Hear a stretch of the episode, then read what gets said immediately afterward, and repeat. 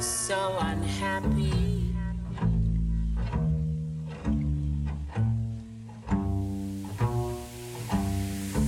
So unhappy.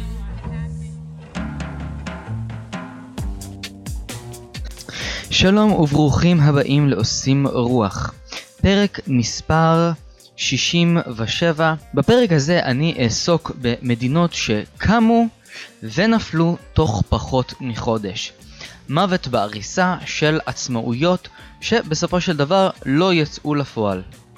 בחלק מהמקרים נדבר על איזשהו פלג פלגני או איזשהו מחוז שהחליט הנה השגתי לעצמי עצמאות ובחלקים אחרים אנחנו נדבר על אספקטים שונים של הקמת מדינה ואיך אספקט כזה כמו למשל חתימה על חוקה יכול להפוך כברת שטח בגודל של רוסיה ממדינה אחת לאחרת ואיך ביטול שלו שוב הופך את הקערה על פיה. זה נשמע מאוד מוזר אבל היי אנחנו כולנו בני אדם אנחנו כולנו זוכרים את מפת העולם לפי המפות הצבעוניות שרואים באטלס.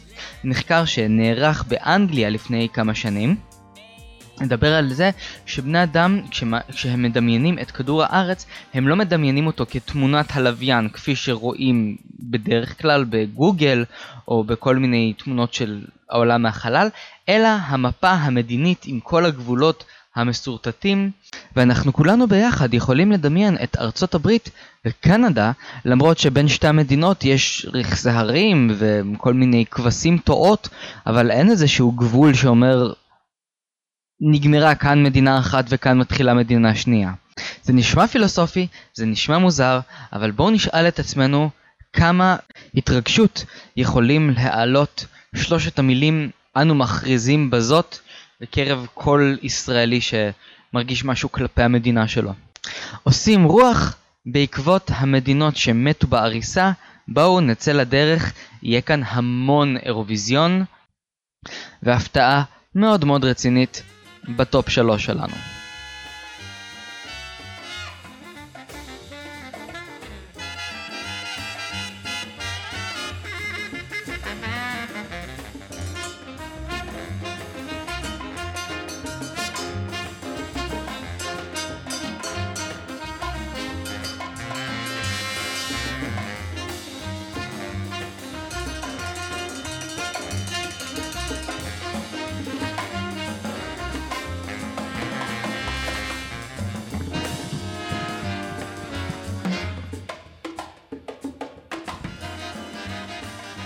במקום העשירי רפובליקת קליפורניה.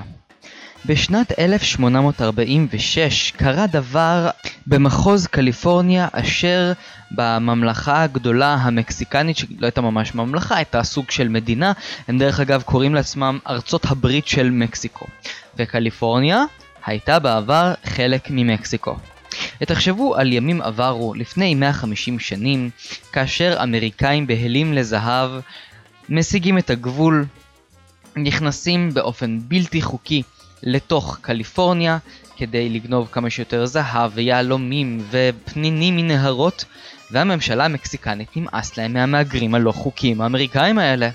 ומתחילים לצאת במספר הגבלות נגד אמריקאים שהם לא יכולים אה, לקנות אדמות ושטחים והם צריכים לדווח על כל חתיכת זהב שהם משיגים לעצמם ועל כל קראט ולארצות הבריטים שהשיגו את הגבול ונכנסו באופן בלתי חוקי פשוט נמאס מכך שהם אזרחים סוג ב' שמתייחסים אליהם כמו פליטים ועל כן החליטו כמה שריפים של כל מיני עיירות קטנטנות שהם הקימו בתור התנחלויות פיציות, החליטו לצאת מלחמה שערה נגד השוטרים והחיילים המקסיקנים שאני מתאר אותם בתור שמנמנים רכובים על חמורים עם פונצ'ו וסומבררו שלא היה להם כוח שיראו עליהם בנשק חם ולכן הם לקחו את הקקטוס שלהם וברחו משם. והפלא ופלא אנשי קליפורניה האמריקאים הארצות הבריטים מקימים את מדינת קליפורניה אשר מתקיימת לאורך 25 ימים. ומה קורה במשך 25 ימים? הם מתווכחים על איך ייראה הדגל גברים קאובויים מהסוג של קלינט איסטווד לא מצליחים למצוא את הנוסח המדויק של איפה יהיה הלבן ואיפה יהיה האדום ואיפה יהיה הדוב והם כל הזמן גם אה, עסוקים בלשתות ולהתווכח ולריב עם כל מיני אינדיאנים ובתוך 25 ימים הם לא מצליחים להקים לא ממשלה, לא חוקה, לא שום דבר. פשוט קאובויים מהסוג הלא בדיוק אה, אינטליגנטי, עד שבסופו של דבר מי בא וכובש את קליפורניה? ארצות הברית. ארצות הברית כובשת את קליפורניה שהייתה חלק ממקסיקו ועכשיו היא עוברת לידיים של ארצות הברית מאוד מרגיזה את הממשל המקסיקני שהי נכבש ממנו מחוז ועד היום למעשה יש יוזמה מקסיקנית בשם מקסיקה שטוענת אה, שמהגרי העבודה הבלתי חוקיים שעוברים מקסיקו הברית לא יכולים להיות לא חוקיים מכיוון שהם עוברים משטח של מקסיקו לשטח של מקסיקו. זה שבינתיים האמריקאים גנבו להם שם את הגבול זה לא אומר שום דבר. ועל כן מנסים לפנות לכל מיני איגודים בינלאומיים ולכל מיני חרמות וזה לא יעזור כי הם לא מוסלמים ובארצות הברית עדיין לא מנוהלת על ידי יהודים. ואנחנו מוצאים את מדינת קליפורניה מאבדת את עצמאותה כעבור 25 ימים.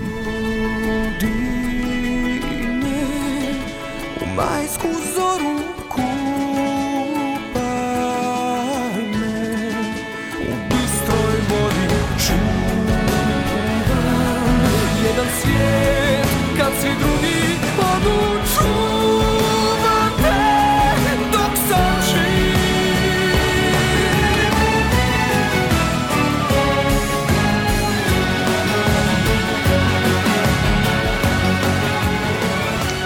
במקום התשיעי במצעד המדינות שחיו הכי מעט זמן נמצאת הרפובליקה הסובייטית של בוואריה אשר התקיימה בין ה-6 באפריל 1919 עד ה-1 במאי 1919. מה קורה בסיפורם של הסובייטים הבווארים אשר מקימים לעצמם מדינה ועוד מובלעת? מלחמת העולם הראשונה נגמרה. המצב בגרמניה מזעזע. וכל ספר בערך שנכתב על אותה תקופה מתארים את אותו עוני, את אותם מאכלי סלק שמגישים שלוש פעמים ביום, את אותה תחושת חטבה ועילאיות של היי מצאתי בטטה ואני אוכל ממנה לאט לאט כדי שהיא לא תיגמר לי.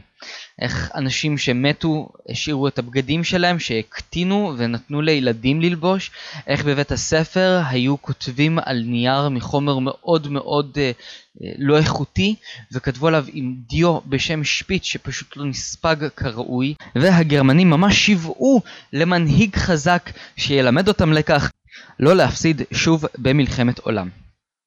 אבל מה קורה בינתיים בבוואריה? במשך 25 ימים חבורה של אינטלקטואלים, סופרים, אנשי רוח, פובליציסטים, משתלטים שם על המחוז ומקימים לעצמם צבא אדום קטן ומחליטים על כך שהם הולכים להפקיע את כל הרכוש של העשירים לטובת העניים. ברחובות מינכן, שמחה וצהלה. המנהיגות דרך אגב משותפת לכמה אנרכיסטים שעמדו מאחורי כל המפעל הנהדר הזה, ביניהם ארנסט טולר, גוסטב לאונדר, סילביו גיסל ואריך מיוזם שהוא במקרה גם קרוב משפחה רחוק שלי שהמשיך את חייו בתור אנרכיסט עד שעלו הנאצים לשלטון וסיימו את האנרכיסטים וגם את אריך. ויש על שמו רחוב בברלין, ביקרתי שם, זה היה מאוד מרגש. בקיצור, למה הרפובליקה הסובייטית לא מצליחה להחזיק מעמד יותר מ-25 ימים? זה קורה מכיוון שהאליטה האינטלקטואלית שכל הזמן עוסקת ב- ביום הנכסף שבו אנחנו נהפוך להיות קומוניסטים, מבינים שעדיין אין להם מאין להביא אוכל. ושעדיין לאנשים אין כל כך מה ללבוש וצריך עוד לחמם את הבתים שבשלהי האביב עדיין היו קפואים, כי מזג האוויר שם לא היה נהדר, ובין השאר הם היו צריכים להתמודד עם כך שלא כל מי שהגיע לשלטון היה בדיוק כשיר לשלוט או לחיות באופן עצמוני בלי השגחה של אפוטרופוס חיצוני. למשל, דוקטור פרנס ליפ, שהוא היה אדם אה, עם בעיות פסיכיאטריות, היה מאושפז במשך תקופות ארוכות בחייו, והוא מתמנה לשר החוץ. ואחד הדברים הראשונים שהוא עושה, מכריז מלחמה על שווייץ, שסירבה להשאיל לו 60 קטרים. בנוסף לכך, הוא הצהיר בכתבה שעשו עליו בעיתון מקומי, שמכיר את אה, האפיפיור בנדיקטוס השישי או השביעי והוא מחלק לו עצות. והדבר האחרון שהכי מוזר, ואני מתחייב על כך כי יש לי רפרנס וחומרים ביבליוגרפיים שאני אצרף אותם לדף הפייסבוק כדי שאתם תראו שאני לא עובד פה על אף אחד עם הסיפורים המוגזמים אך עובדתיים שלי.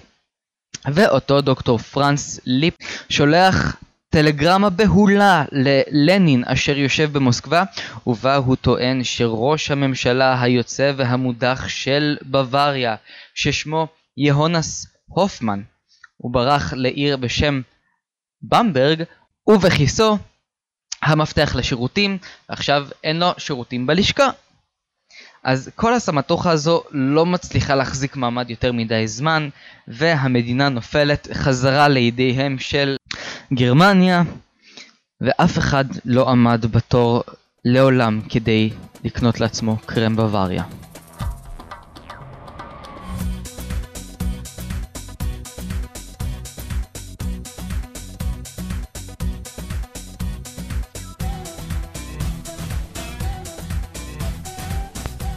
בשנת 1990 מתה מדינת כווית ובמקומה קמה הרפובליקה של כווית. כך ניסה סדאם חוסיין, זכר צדיק ממש לא לברכה, להצדיק את הכיבוש של המדינה הקטנה הזאת. הטענה של סדאם חוסיין הייתה שמדובר במדינה שנשלטת על ידי שליטים עריצים שאין להם יומרות כלל עולמיות לאחד את העמים הערביים ועל כן צריך לגאול את העם הכווייתי ואת שדות הנפט שלו. זה בסוגריים כמובן. את המדינה מנהיג אללה חסן עלי, שהוא היה מקורב לסדאם חוסיין. אולי עסוק בשליטה באותו זמן. הוא קודם כל ניסה לבסס לעצמו בית מלוכה גדול ומפואר שהצבע בו אפילו לא הספיק להתייבש לפני שהמדינה הקטנה הזו סופחה לתוך עיראק בתור עוד מחוז. יאמר לזכותו דרך אגב שכן הוא ניסה להעביר חוק אחד שהגן על כווייטים ממוצא לא ערבי והם היו מופלים מול החוק והנה אללה חוסיין עלי זה משהו כן טוב שהוא עשה. הוא שינה את החוקה של כל המדינה הפך אותה מכווית לרפובליקה של כווית, ממדינה מלוכנית למדינה פן ערבית, כל ההגדרות שם הוא עשה להם, לחץ על ריסטארט, לא בדיוק שזה עזר לו, כאשר uh, הוא הבין אחרי שבוע שהכווייתים לא ממש שמחים לקראתו, הוא חוקק חוק שעל פי החוק הזה הם יחגגו את יום השיחה. היום שבו כווייתים נזעמים התקשרו למנהיג הטוב סדאם חוסיין ואמרו לו סדאם סדאם בוא תרעיף עלינו טבית וקובה ותגאל אותנו מהשלטון העריצי כאן וסדאם חוסיין אמר אה, אני אהיה בן אדם טוב ואני אגאל אתכם ועל כן אתם תחגגו כל שנה את יום השיחה הכווייתי. שזה משתנה לפי עונות השנה כי זה לפי הלוח המוסלמי, בפועל זה היה ב-20 באוגוסט בפעם הראשונה. כל הסמטוחה העיראקית כווייתית הזו לא בדיוק מחזיקה מעמד, ועל כן כווית מסתפחת בתור מחוז נוסף לתוך עיראק, וכך ילדים יצאה לפועל מלחמת המפרץ הראשונה.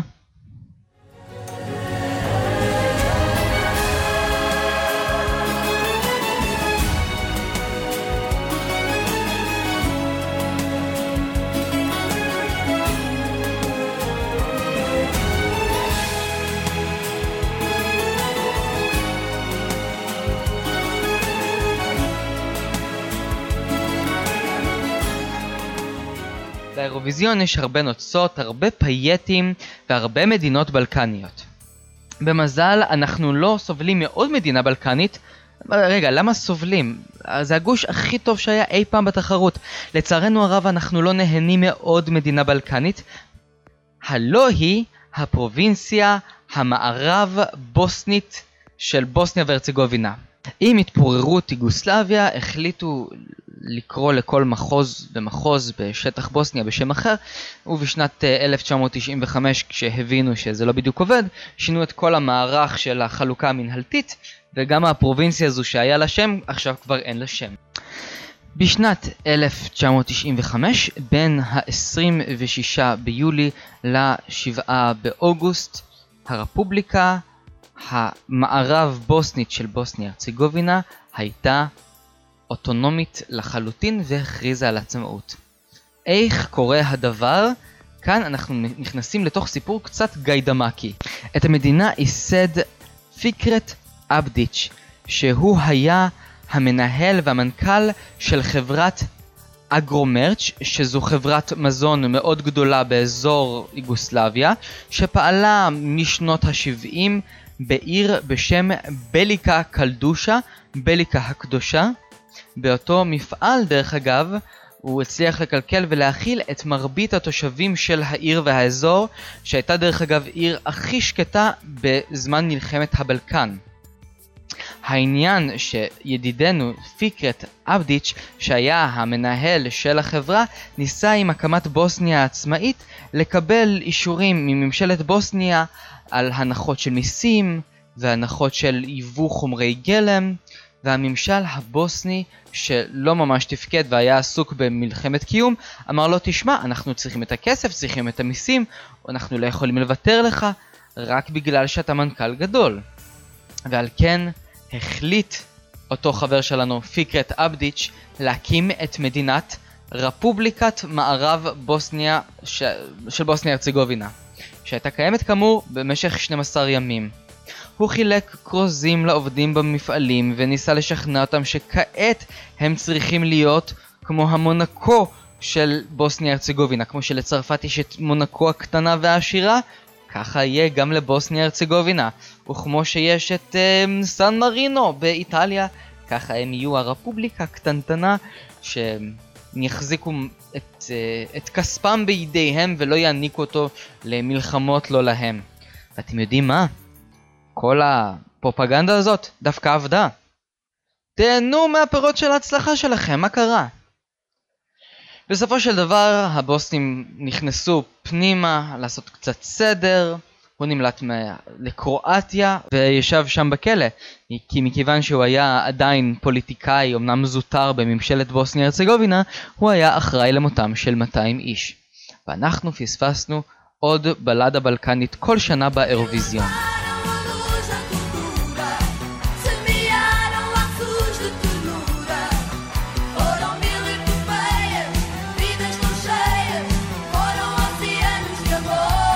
מזרח טימור קיבלה את עצמאותה בשנת 2002. אבל לא הרבה אנשים יודעים שלמשך תשעה ימים היא הייתה עצמאית לגמרי. באמצע שנות ה-70 זה קרה ב-1974, כאשר הפורטוגזים מחליטים לעזוב את כל הפרובינציות שלהם ואת כל הכיבושים שלהם ולהיות המדינה האחרונה באירופה המערבית שמחזירה את המפתחות. אחרי שבריטניה שחררה את הודו ופקיסטן, צרפת ואלג'יר, ופורטוגל שנשארה ללא ברזיל, פראיה בביסאו, אנגולה, מוזמביק, גואה ומקאו, כן, הם לא היו עם יותר עם מזרח תימור, כן, עבד לפורטוגזים הקונקיסטדור. טוב, זה לא שנפלה עליי איזה רוח פיוטית ואני מתחיל אה, לפזם לכם עכשיו, זה פשוט כי הפורטוגזים שלחו בשנת 1989 לאירוויזיון את השיר קונקיסטדור, שמבכה על כך שהפורטוגזים כבר לא שולטים בחצי עולם. בואו נשמע פזמון.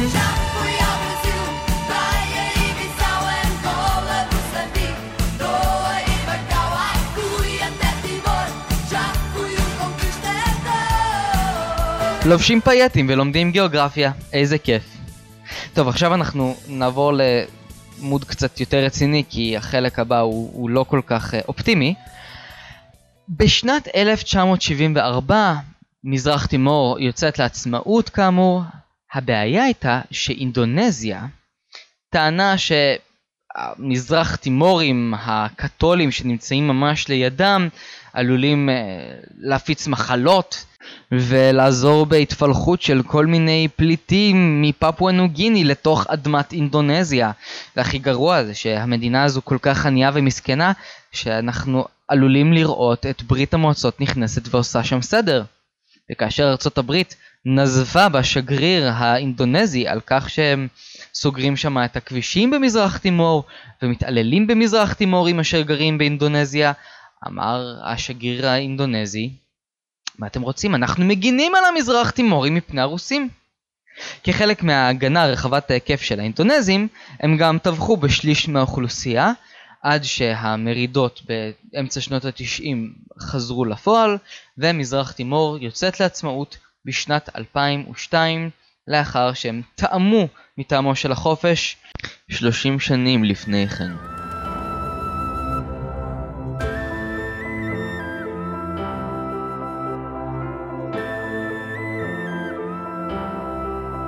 במקום החמישי עומדת סומלילנד אשר באפריקה.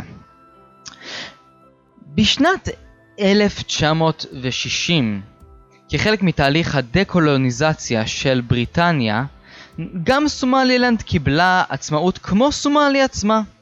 ההבדל בין המדינות לא באמת קיים.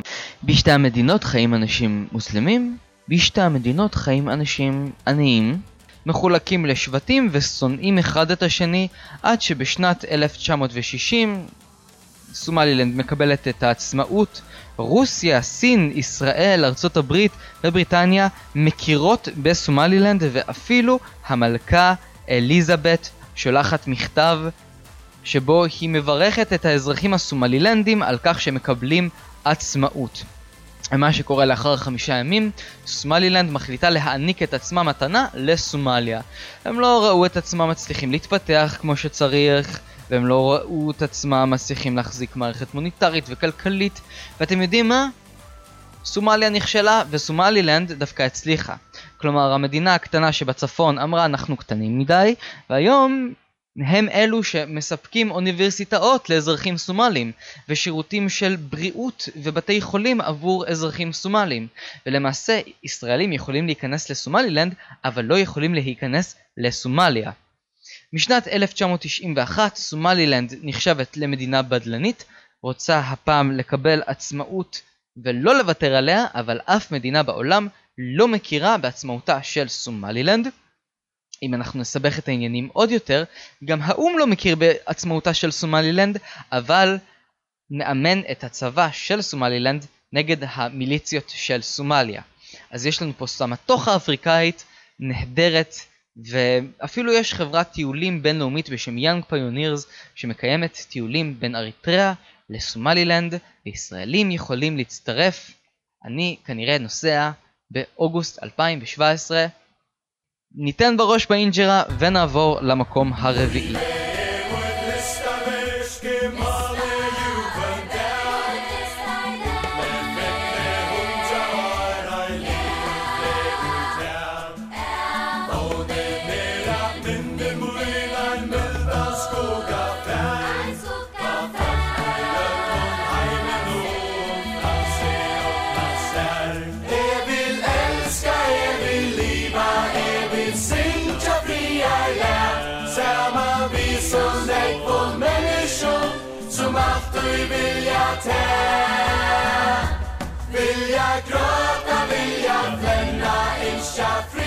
המדינה הבאה איבדה את עצמאותה באופן חמוד אחרי יומיים, וזוהי מדינת איי פארו, אשר שייכת היום לדנמרק. בין ה-18 בספטמבר ל-20 בספטמבר 1946, המדינה מכריזה על עצמאותה. באותו זמן המלך כריסטיאן שולט בדנמרק, המדינה מלקקת את פצעיה אחרי מלחמת העולם השנייה, והרבה מדינות חדשות צצות באירופה. וגם איי פארו רוצה לצאת לעצמאות. מתכנס הפרלמנט, המונה 33 מושבים, ומחליט, אנחנו מציגים משאל עם בקרב כל ה-50 אלף דייגים שחיים באיים כאן, ונראה האם הם מוכנים לעשות את הברקזיט הראשון באירופה. והם היו מוכנים. 51% אמרו כן, הממשל שולח מברק לקריסטיאן מלך דנמרק, וקריסטיאן מלך דנמרק אומר להם אני מסרב לבקשתכם, והם אומרים בסדר, לפחות ניסינו. אין פה שום עירייה, שום סנקציות, ובשנת 1949 איי פארו מקבלים אוטונומיה משל עצמם, השפה שלהם מוכרת כשפה רשמית, יש להם מערכת כלכלית משל עצמם, יש להם עיתונות משל עצמם, הם מסרבים לקחת חלק באיחוד האירופאי, יש חוקים שעוברים בדנמרק ואיי פארו מתנגדים להם, כמו למשל נישואים של גייז, שיש איזושהי מחלוקת ביניהם, אני לא יודע אם יש איזשהו גיי באיי פארו. בכל מקרה, איך שלא נסתכל על זה, אנחנו אמנם פספסנו מדינה מאוד קטנה עם עיר בירה שהיא למעשה גוש של כמה מספנות עם כמה בתים ואחו, בשם טורסהן, או בעברית עיר הצאן. הערת שוליים שנייה אחת לפני שאני ממשיך, זה שהמדינה הזו אמנם מאוד קטנה, אבל יש לה תעשיית מוזיקה מפתיעה ברמת על. יש להם להקות מטאל מאוד טובות ואני לא אוהב מטאל. יש להם פופ מצוין לגמרי, ונחשו איפה הייתי רוצה לראות את איי פארו. אבל המוזיקה של איי פארו כמדינה עצמאית זו לא הטרגדיה הגדולה ביותר שאנחנו חווים נוכח אי עצמאותם של איי פארו, כי במרכאות הבאסה הגדולה ביותר שאיי פארו היא לא עצמאית מגיעה דווקא מכיוון אחר לגמרי. זו יכלה להיות המדינה המלוכסנת הראשונה באירופה. החל משנת 2010 רוב התינוקות שנולדים באיי פארו הם מלוכסנים. את הפרט הזה אני לא ידעתי עד שביקרתי במנילה והיה לי שם מארח ב couch surfing מאוד נחמד שסיפר לי על כך שאחותו התחתנה עם בחור מאיי פארו, אה, היא נסעה לעבוד באיי פארו, מדינה שבה אין כל כך מה לעשות אם אתה מוזיקאי או אם אתה רוצה להיות סופר או צייר או עיתונאי מצליח או כל דבר כזה שדורש יותר מ-50 אלף איש שיעקבו אחריך ו... ויסרחו את הרעיונות שאתה מעלה או את היצירות שאתה מייצר והרבה מאוד נשים דווקא עוזבות את איי פארו לגרמניה או לדנמרק או למה שהם רואים בתור המדינה הגדולה והמרהיבה והרחובות התוססים, איסלנד. כן, הרבה נשים מאיי פארו עוזבות לאיסלנד, ולמעשה יש הרבה פחות נשים, הרבה גברים שרוצים להתחתן, והרבה פיליפיניות שמוכנות לעשות הכל כדי לשפר את החיים שלהן באירופה.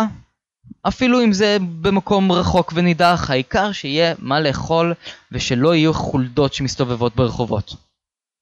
ואותו אה, קריסטיאן המארח שלי ממנילה סיפר לי שהוא באמת ביקר את אחותו במשך אה, שבועיים באיי פארו שהיו השבועיים המשעממים ביותר בחייו והוא ביקר את האחיין שלו בבית הספר וראה שכמעט חצי מהתלמידים בכיתה מלוכסנים. אז uh, אנחנו פספסנו מדינה שמלוכסנת במערב אירופה. למרות שאם נשאל ההגדרות של קזחסטן את עצמה בתור מדינה אירופאית, כן כן הם גם בקרוב יצטרפו לאירוויזיון אז זו גם כן תהיה מדינה אירופאית אבל מלוכסנת. הפסד כולו שלנו אנחנו עוברים למקום השלישי שחולק את המקום השלישי עם המקום השני ביחד כי זה בעצם אותו סיפור בשני חלקים צ'ייסר מוזיקלי ונעבור לטופ שלוש שלנו.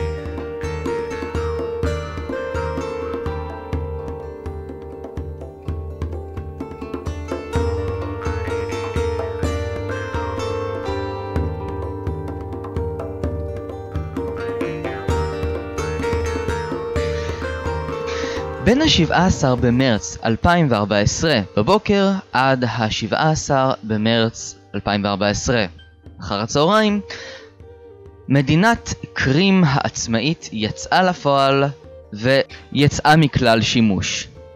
האזור נתון למלחמת אזרחים בעקבות כל מיני אירועים היסטוריים ותחושת קיפוח של פוטין מול עצמו, וממשלה קרימית צצה יש מאין ומשתלטת על חצי האם ומכריזה בזאת על כך שהם אנשים חופשיים ומחוללת פתאום שורה של רפורמות תוך כמה שעות שהופכת את המדינה למדינה בפועל. כמו למשל, יוצא חוק שחייבים להשתמש ברובל הרוסי. עוברים לשעון מוסקבה ומשכנעים כל מיני מובטלים ברחוב ללכת ולהצטרף לכל מיני שומרי חוק שיעברו בין חנויות ויגערו במוכרים שמוכרים באוקראינית ומוצרים אוקראינים. ומי שלא מסמן את המחירים ברובל אז גם כן מתחילים לאיים עליהם.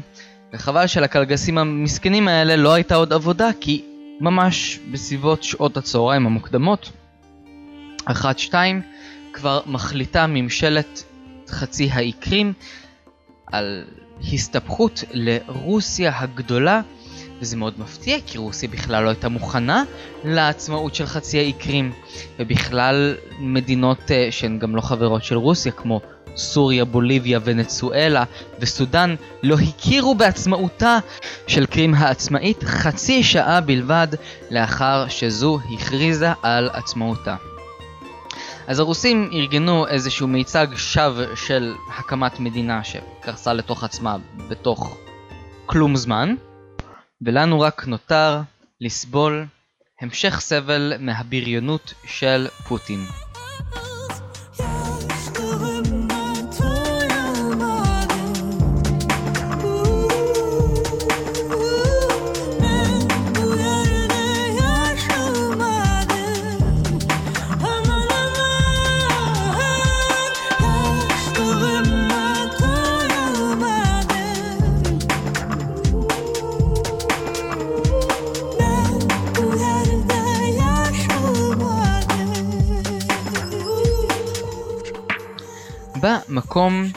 השני, כמו שתיארתי, אנחנו עומדים עם האחים קרים.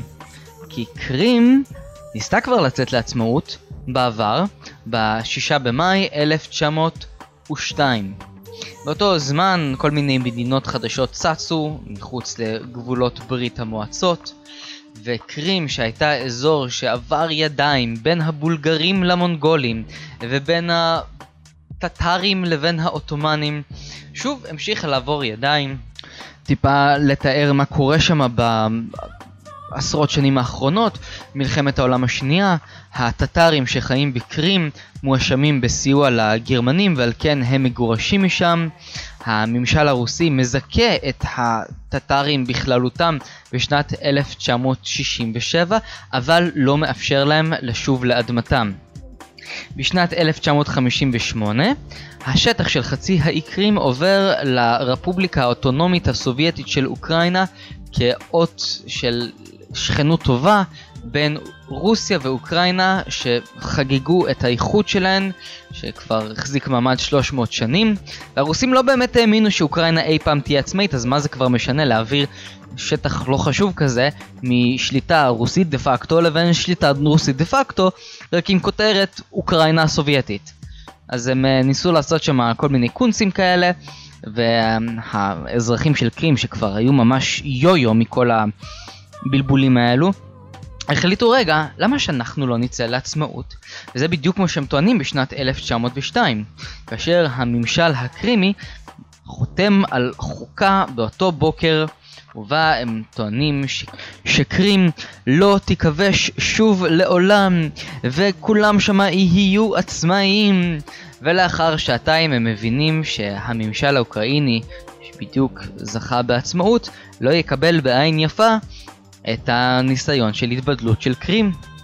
ורוסיה הייתה באותו זמן מאוד מאוד חלשה, ככה שאין מה לסמוך על הרוסים שהגנו עליהם, ועל כן, כעבור כמה שעות, לא ממש משנים את החוקה, אלא רק מתקנים שם שקרים תהיה עצמאית בליבותיהם של אזרחי קרים, והיא לא תיכבש לעולם אבל תהיה נתונה למרות של האוקראינים הטובים ואנחנו הקרימים אה, נהיה חלק מהם.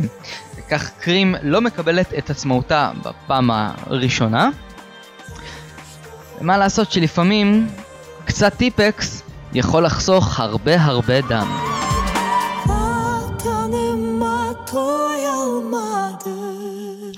ובמקום הראשון רוסיה.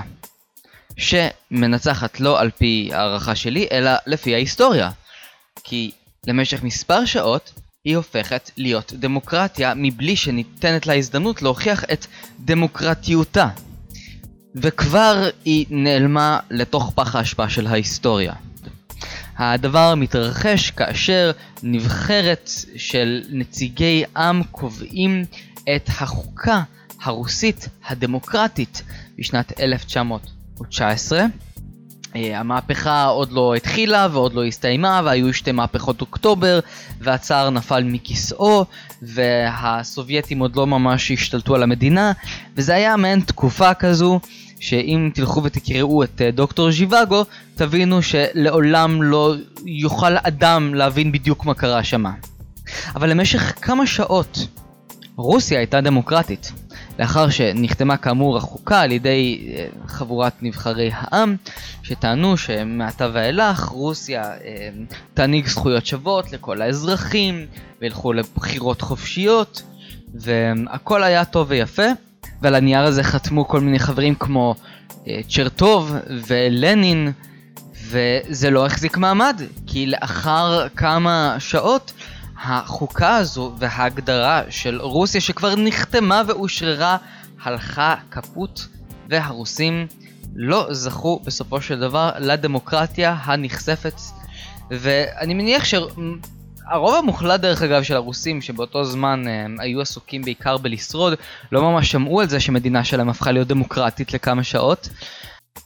וכל התסבוכת הזו דרך אגב היא מאוד משיקה למה שקרה ברוסיה בשנת 1991 כאשר מתפרקת ברית המועצות ואנחנו עדים לפוטש של אוגוסט ב-19 לאוגוסט כאשר מנסים קושרים להפיל את גורבצ'וב ולהשתלט על רוסיה ואז כמעט אנחנו היינו מוצאים עוד מקום ראשון כי כבר הייתה אמנה וחוקה חדשה שאמורה לחלוק את uh, רוסיה בתור ברית המועצות שממשיכה את רוסיה שהחליפה את ברית המועצות והופכת להיות שוב פעם קונפדרציה וזה בסופו של דבר לא הצליח ושום דבר לא נחתם אז יש לנו פה הערת סוגריים עם כל הבלאגן הזה, רק אה, בן אדם אחד חשוב איבד את חייו, זה היה בוריס פוגו, שהיה אחד הקושרים והוא התאבד בירייה ב-23 באוגוסט, אה, בעודו במעצר, ולפני שהוא התאבד הוא גם ירה באשתו.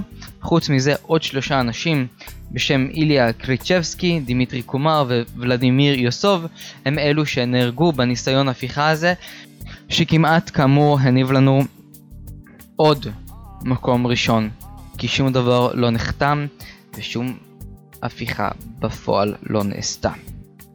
תודה רבה לכם שהאזנתם לי. אתם מוזמנים לעשות לי לייק בפייסבוק ולהתכונן לחודש מוזיקלי שהולך לנחות עלינו ממש בקרוב. המשיכו להאזין לפודקאסטים. תודה רבה.